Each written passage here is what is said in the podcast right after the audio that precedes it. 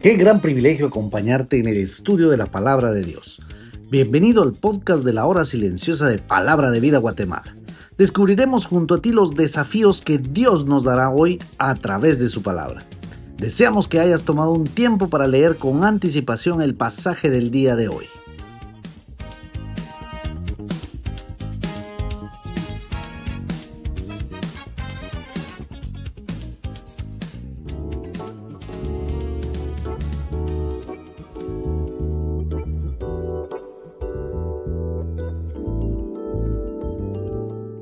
Qué bueno poder estar en el comentario de la hora silenciosa. Te saluda Oscar Fuentes del Ministerio de Palabra de Vida aquí en Guatemala. El día de hoy estaremos en Marcos capítulo 12 del 1 al 12.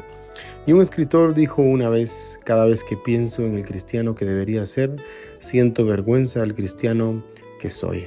Nuevamente estaba el Señor aquí hablando a sus discípulos por parábolas. Así que vemos que Jesús está dando una breve historia moral con un significado simbólico. Un profesor de un seminario decía que una parábola es una breve historia contada aquí en la tierra para un significado celestial. Así que Jesús empieza a hablarles un hombre plantó una viña, la cercó de vallado, cavó un lagar, edificó una torre y lo arrendó a unos labradores y se fue lejos. Y a su tiempo envió un siervo a los labradores para que recibiese de estos el fruto de la viña. Mas ellos tomándole dice que le golpearon y le enviaron con las manos vacías. Volvió a enviarles a otro siervo, pero apedreándole le hirieron en la cabeza y también le enviaron afrentado volvió a enviar a otro y a este mataron y a otros muchos golpeando a unos y matando a otros. Por último, teniendo a un hijo suyo amado, lo envió también a ellos diciendo, tendrán respeto a mi hijo. Mas aquellos labradores malos dijeron entre sí, este es el heredero.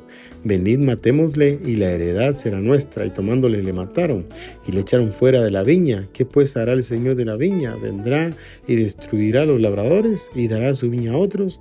Y es que me encanta ver esta parábola porque habla acerca de que este hombre que plantó eh, semejante a Dios como el Padre, lo podemos ver claramente. Y, y es que realmente lo que miro acá es que hay una verdad. Dios ha construido algo y siempre que el hombre lo toca lo destruye, lo destruye.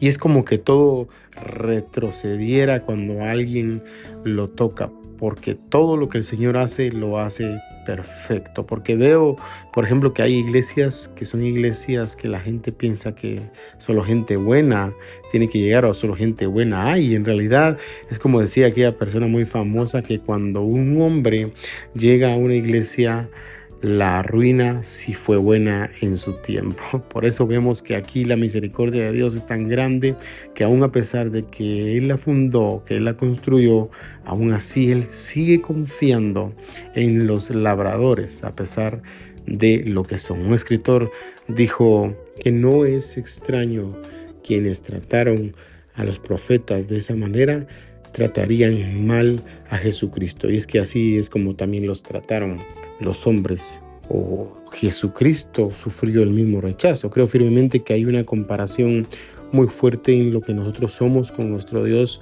por el asunto eh, que Él nos confía a nosotros, ha confiado esta tierra al mundo, ha confiado su palabra ahora a nosotros y nosotros somos los que quedamos mal. En este caso Jesús dijo, yo he venido para que tengan vida y para que la tengan en abundancia. Juan capítulo 10, versículo 10, pero también el mismo Jesús había dicho que él había venido para salvar a buscar lo que se había perdido y aún así lo rechazaron, lo negaron, no lo tomaron en cuenta. Y una de las cosas que me doy cuenta que pasó en la humanidad era que justamente lo que pasaba allí en los tiempos de Noé.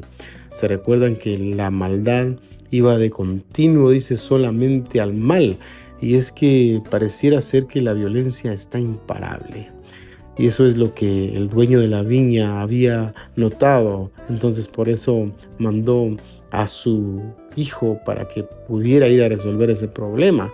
Pero en realidad Pensando un poquito en lo que decía anteriormente, que la violencia está imparable, eh, podemos ver que sutilmente se está metiendo a nuestra sociedad tantas cosas. Los chicos están eh, aprendiendo cosas en la escuela que no aprendían hace 20, 30 años. Eh, vemos la Agenda 2030, por ejemplo, hoy que trae un discurso de paz, un discurso que viene a solucionar muchos de los problemas de la sociedad, en realidad lo que viene es más alborotar más el pecado. Cuando vemos en los noticieros las cosas que pasan, la violencia que ocurre, los parricidas, los matricidas y muchas de las cosas que ocurren, decimos, sí, Señor, ven pronto, esta violencia se está incrementando aún más, incluso en la misma iglesia se pelean por tierras, por poder, se pelean por posesiones y por las cosas que separan verdaderamente a la iglesia local de algo que vendría a ser una bendición en el principio que fue la iglesia local para la sociedad, pero muchas veces no lo es así. Por eso el dueño de la viña dice después allí en el verso 9, ¿qué hará pues el Señor de la viña? Vendrá los labradores y dará su viña a otros. Hay que dar su viña a otros. Dice, está hablando allí de que dará a los gentiles. Entonces, de alguna manera fue cumplido porque el Evangelio fue dado a los gentiles también por medio de Pablo. Si tú no valoras lo que tienes hoy, no te preocupes. Otros van a tomar de la viña del Señor.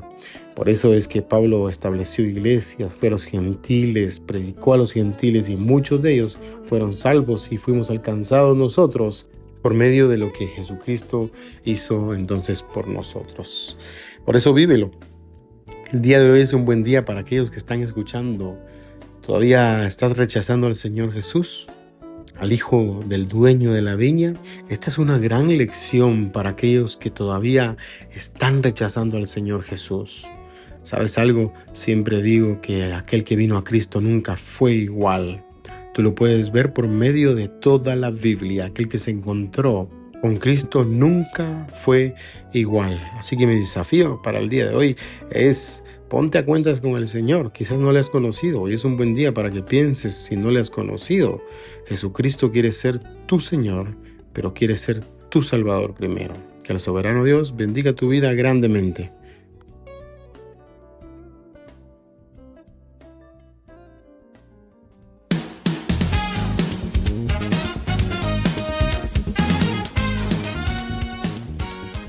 Es emocionante saber los tesoros que Dios tiene en su palabra para nosotros. Ayuda a tus amigos a que descubran la voluntad de Dios para su vida. Comparte este podcast con ellos. No olvides seguirnos en nuestras redes sociales.